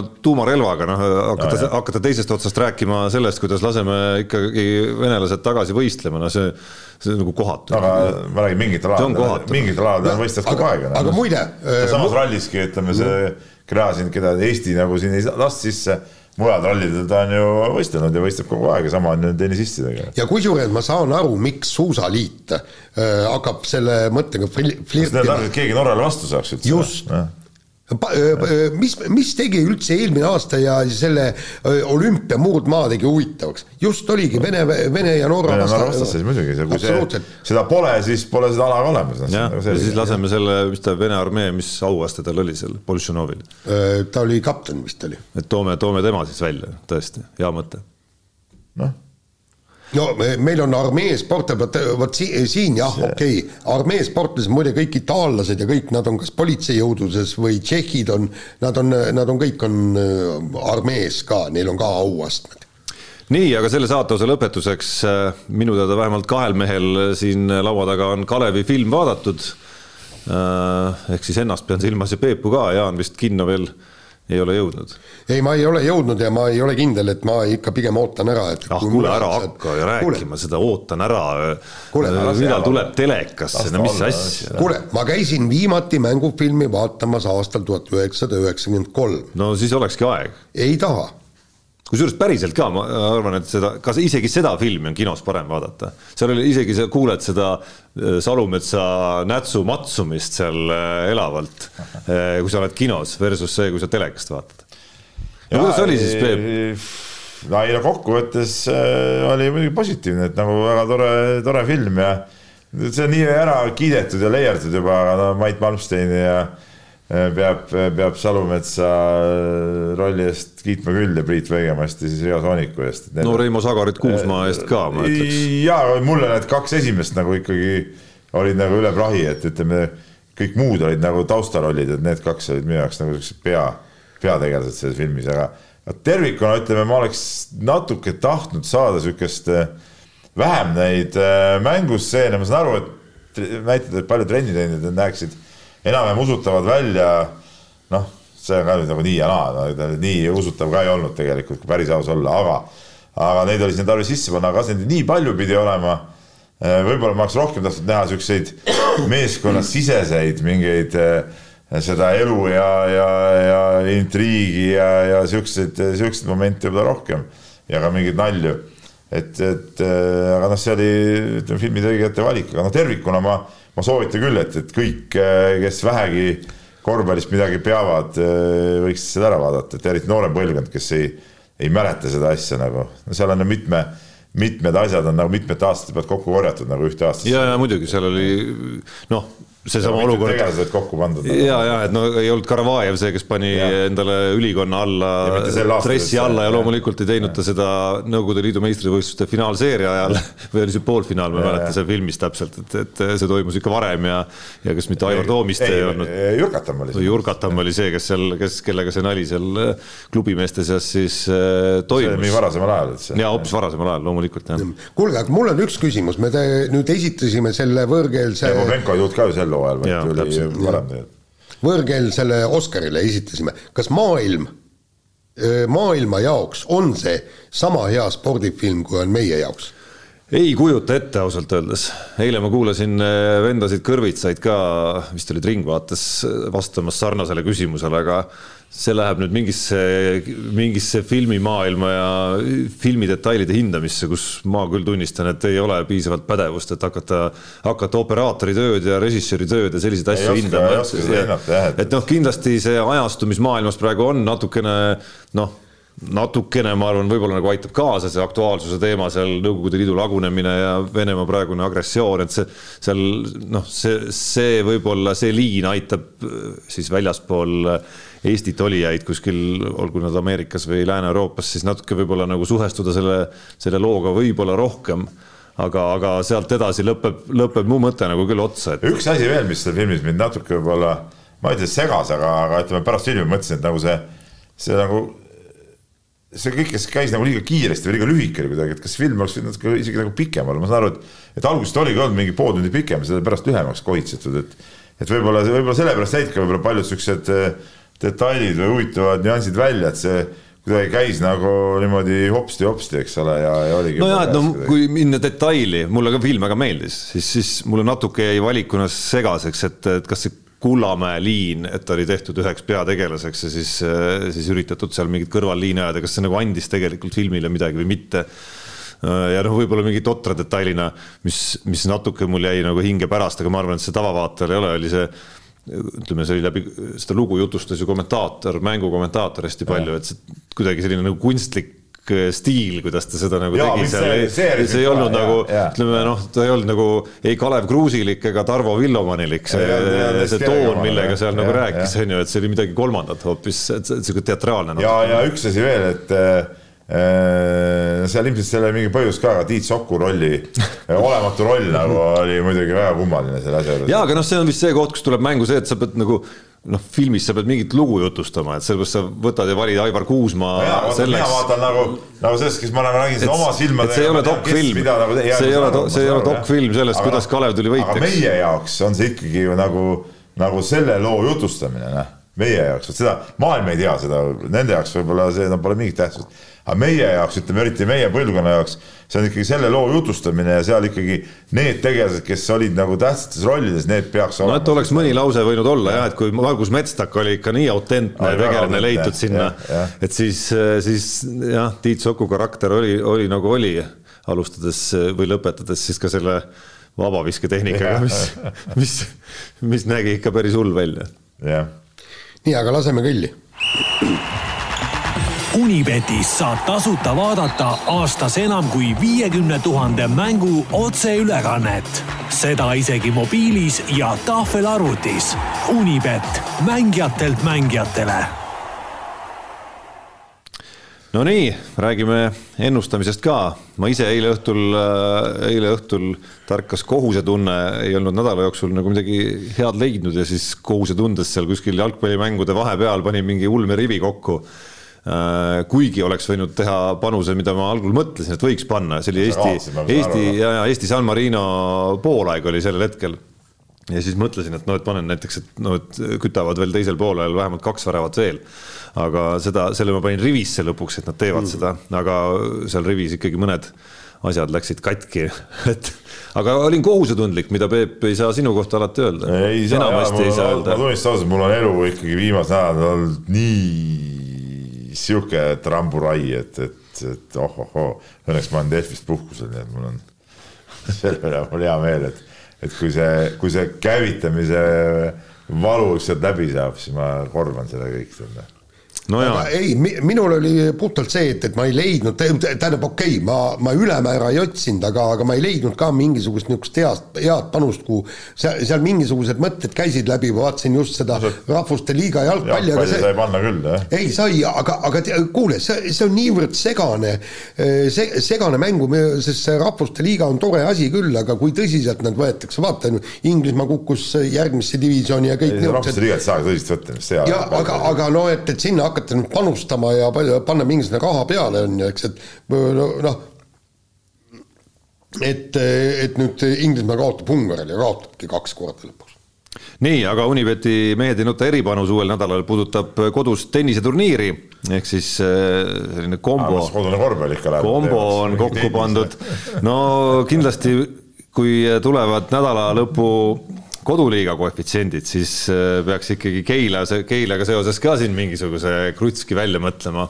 aga ma ei tohi ise panustada, selles on ei, sina ei tohi, aga meie Jaaniga saame siin, saame siin kõvasti hullama hakata, ütleme nii. aga see äh, eripanus, millest ma antud hetkel rääkida tahtsin, on siis see, et, et saab panustada, et selle turniiri võidab kas Anett Kontaveit või Kaia Kanepi koefitsiendiga kolm koma viis. Nii väike koefitsient või? no ei ole kõige hullem osa. mis sul jälle häda on? no seal oleks ikka mingi kümme hääle. Anett Kontaveit on kõrgema aset, kõrgema asetusega mängija sellel turniiril. ja Kanep oli vist äh, koefitsient, koefitsientide järgi viies oli vist midagi, niisugust no.. No. aga kuule, oota, Tarmo, stopp. nii, tead, ei ole hea ju Peebu mängude peale panustada, vaata siin. miks? miks, miks? No meelega hakkan seda sättima. täpselt. aga ma ei tea, kuidas sa ei tea ju, kuidas me paneme, kas No. me, kas ta, ta ei tea, kas me paneme tema kaotuse või võidu peale, noh, aga kui uurib välja, kuskohast? no lipsab läbi üle huulte. siis oled ise loll. ei no ise muidugi loll, aga noh, nii, räägime kirjadest parem, kell on päris palju. palju ja me väga palju kirju ei võta, aga natuke siit võtame ja, ja kiri siis vastu selline, et äh, kirjutab siis, ma vaatasin veel kord, vaatasin uuesti ilma prillita ka, Velle Põltsamaalt kirjutab siis kirja. kuulasin teie eelmist saadet ja oli ikka halb. mitte sõnagi külgvankrit MM-ist, Gert Varik, Lauri Kunnas tegid nii Eesti kui Soome motokrossi ajalugu, siin ma ütlen vahele, et jah, peame tuhka pähe raputama. jaa, täitsa nõus. selle maha, ma olen omal ajal elasin väga kaasa, kui Aare Kaurit äh, võitis MM pronksi ja seal lõpus mingid tänuüritused, mul on isegi kodus kapis siiamaani sihuke väike medalikoopia, mis nad siis kinkis igastele ja ma sain ka ühe siukse. oli, oli tore, et, et ja kindlasti elasin Varikule, Kunnasele ka kaasa, kahju, et nad no neil oli variant ka ju võita, aga noh, ega ma arvan, see hõbe on ka ikkagi, ikkagi super, super saavutus, et ei ole midagi ütelda, nii. Äh, ja no lisaks said külgvankrimehed ka rahvuste krossil äh, pronksi, aga see selleks.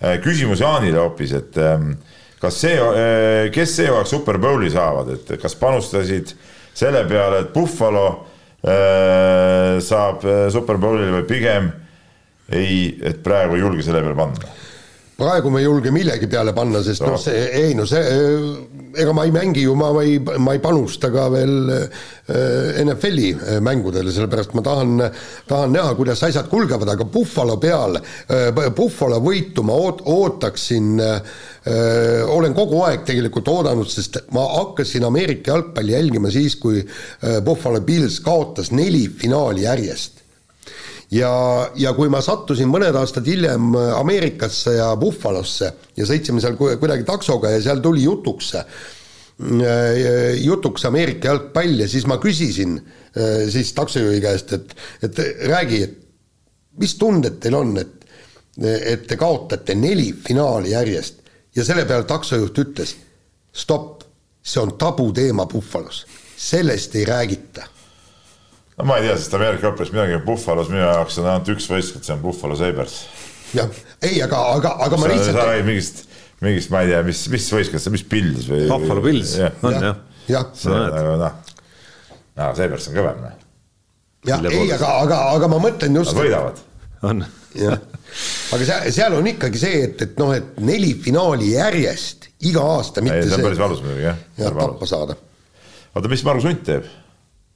Väidetavalt, väidetavalt trenni peal loodab kuhugi meeskonda pääseda, aga kontakti pole saanud ja ma ei ole ka teatud inimeste kaudu kontakti saanud temaga, et, et kuigi ma palusin palve edasi anda, nii et aga millal see nüüd hakkab selguma, kas ta kuskile laagrisse pääseb või midagi? ei, ei, see, no siin on täpselt, kui sa teed trenni ja kuskil keegi saab vigastada, siis tuuakse ta meeskonda üheks-kaheks mänguks, võib-olla pikemaks, seda ei tea üldse, ei tea, null, null infot okei okay., aga need treeningmängud juba käivad või? ei no põhijooaeg käib juba. ah sorry sellel alal ma jah ei ole suutnud silma peal hoida, sa Tarmo teadsid, et põhijooaeg käib juba või äh,? ei ma, minu jaoks algab tavaliselt äh, NFL-i põhihooaeg siis, kui me siin saates hakkame kuulma lugusid panustamisest, aga, aga ei ole veel tulnud.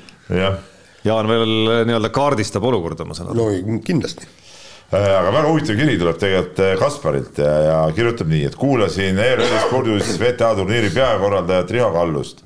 saatejuhi küsimuse peale kõlas Kalluse vastus äh, selliselt, et kui palju on, küsimus oli siis niimoodi, et kui palju on sellist, mida peab sellisel turniiril mängijatele võimaldama, näiteks tooma mingeid eritingimusi, erimenüüd või millegi osas vastu tulema ja Kallus siis vastas niimoodi, et loomulikult on selliseid asju aga oleme kõiges äh, sellega nüüdseks päris äh, pikalt tegelenud. sportlased jälgivad kõiksuguseid asju peensusteni ja tavainimene võib-olla ei kujuta ette, mida kõik nad turniiri jooksul vajavad, iga gramm, mida sa sööd ja iga minut, mida sa magad, on sportlase jaoks arvel. et pidev reisimine, väga kurnav ja nii edasi, nii edasi, nii edasi ja siis äh, Kaspar kirjutab siit, arvestades seda, seda kõike konkurentsi ja nii edasi, vaatas ta siis Anett Kontaveidi Instagrami ja mis nad Anett Kontaveidi Instagrami story dest vastu vaatavad, mõnusalt rasvased ahjuroad, sõpradega linna peal sõõrikute söömine ja muu selline.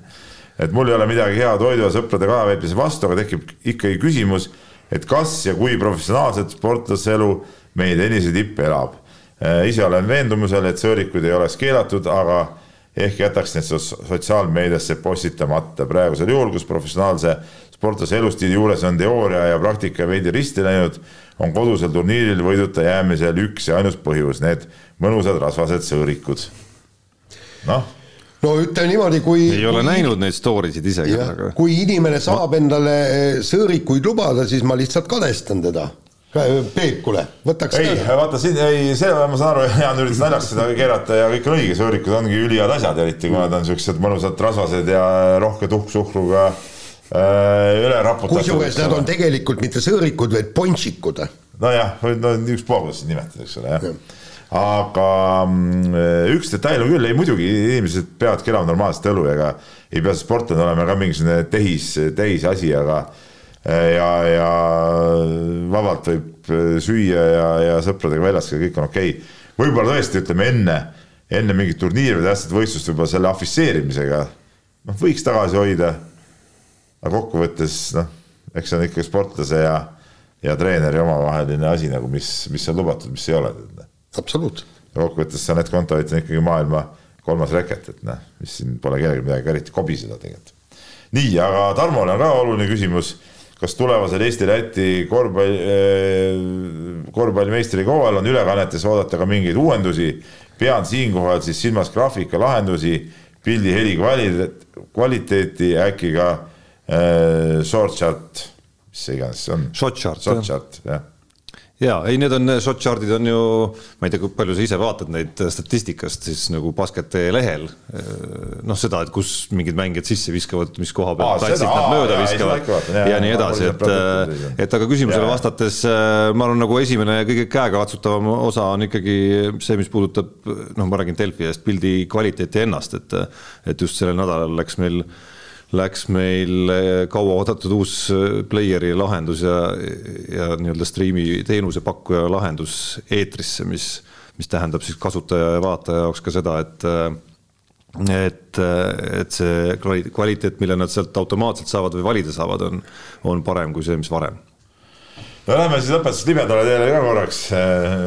oli siis discgolfi võistlusjärjekordne Ameerikas Pro Touri etapp, kus siis meie maailmameister äh, Kristin Tatar äh, kaotas äh, lõpuks noh, mängi ise viiki ja lõpuks ümber visata ja kaotas siis nii-öelda transsoolisele vastasele. Ja teate, tuleb päris, päris mitu kirja sellel teemal, et, et, et kas niisugust asja nagu võib üldse heaks kiita ja kuhu me niisuguse kõike tolereeriva ühiskonnaga jõuame, et kas see on normaalne, et bioloogiliselt mehena sündinud inimene, inimene käib naiste divisjonis noppimas auhinnarahasid, mis on paljudele tuuritavatele mängijate eelarve täitmisel suure väärtusega. no ma ütlen äh, loomulikult mitte, see on täielik jama, minu arust ei tohiks transsoolisi sportlasi mitte mingil juhul äh, võistlema lubada või tehke neile siis mingisugune oma, oma klass. ja ei, ma olen äh, Peebuga täiesti nõus, et ikkagi kui sa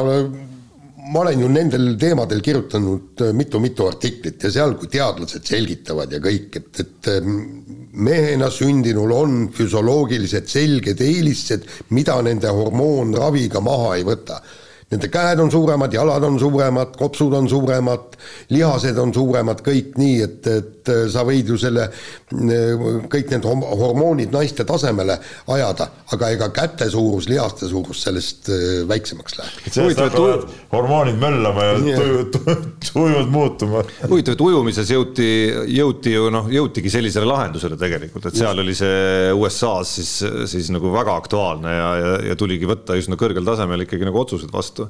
et noh, selge, et kui sa lähed, hakkad alade mõttes liikuma kuskile nagu teistele aladele, siis kas iga ala hakkab selliseid asju nagu ise otsustama vastavalt siis sellele, et kuidas nende ala spetsiifikat arvates ar, arvestades, kui suur see eelis siis võib konkreetselt olla või mitte, et, et kuhu see nagu lõpuks nagu selles mõttes läheb, et et, et nagu noh, talupoja, talupoja tarkus, talupoja tarkus ütleb mulle ka pigem ikkagi, et, äh, et, et see eelis on ju olemas. ja, ja näiteks, näiteks Inglismaa, äh, kas Inglismaa, Suurbritannia, Euroopa, ma ei mäleta kus, aga rägbiliidud võtsid vastu otsuse, et ei ja, ja kui hakata niimoodi mõtlema, see, see on niisugune ei no räkvis, eks ole, mis on ju füüsilise kontaktiga ja, veel nagu kontaktala, et noh, sealt edasi on ju, ma ei tea, poks ja ja, ja MMA, et no, et kus, kus tundub, et see ei saaks nagu üldse mõeldav olla.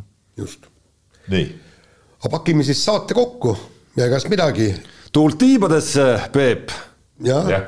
oota, millal tal esimene mäng nüüd on? Äh, laupäeval. juba laupäeval. Lätis. tead seda laulu? Tulen tagasi mm. sealt võitjana. või trallalla ah.. nii. aga loodame, et Peep tuleb äh, Lätist tagasi võitjana Valmier Muiso õllega tuleb tagasi. ah, oi, õige, hea, et sa meelde tuletasid. ma tegelikult Valmier Muisat ei taha, mul on seal uus lemmik. ma tean, et sul on uus lemmik. et äh, selle tellimuse ma loomulikult annan sisse, et tagasi teel. muide, sa veel õlle, enne kui saate lõpetame, ma ütlen, äh, pärast seda Valmieras käisin mängimas laupäeval treeningmängu ja ja siis käisime söömas Valmiera kesklinnas ja pärast läksime ka kauplusesse abitreeneriga ja ja mõtlesime, et no ostame siis koju kaasa ka mõned Läti õlled ja ja tuli siis ka äh, Martti Svitos tuli mineraalvett ostma sinna kauplusesse ja nägi, nägi meie korvi, ütles, et oi-oi-oi, viige need küll tagasi siis näitas, mida tegelikult peaks võtma. olid väga head valikud, mis ta näitas. okei okay.. vot. nii, aga kuulake meid järgmine nädal mehed ei nuta. saate tõi sinuni Unibet, mängijatelt mängijatele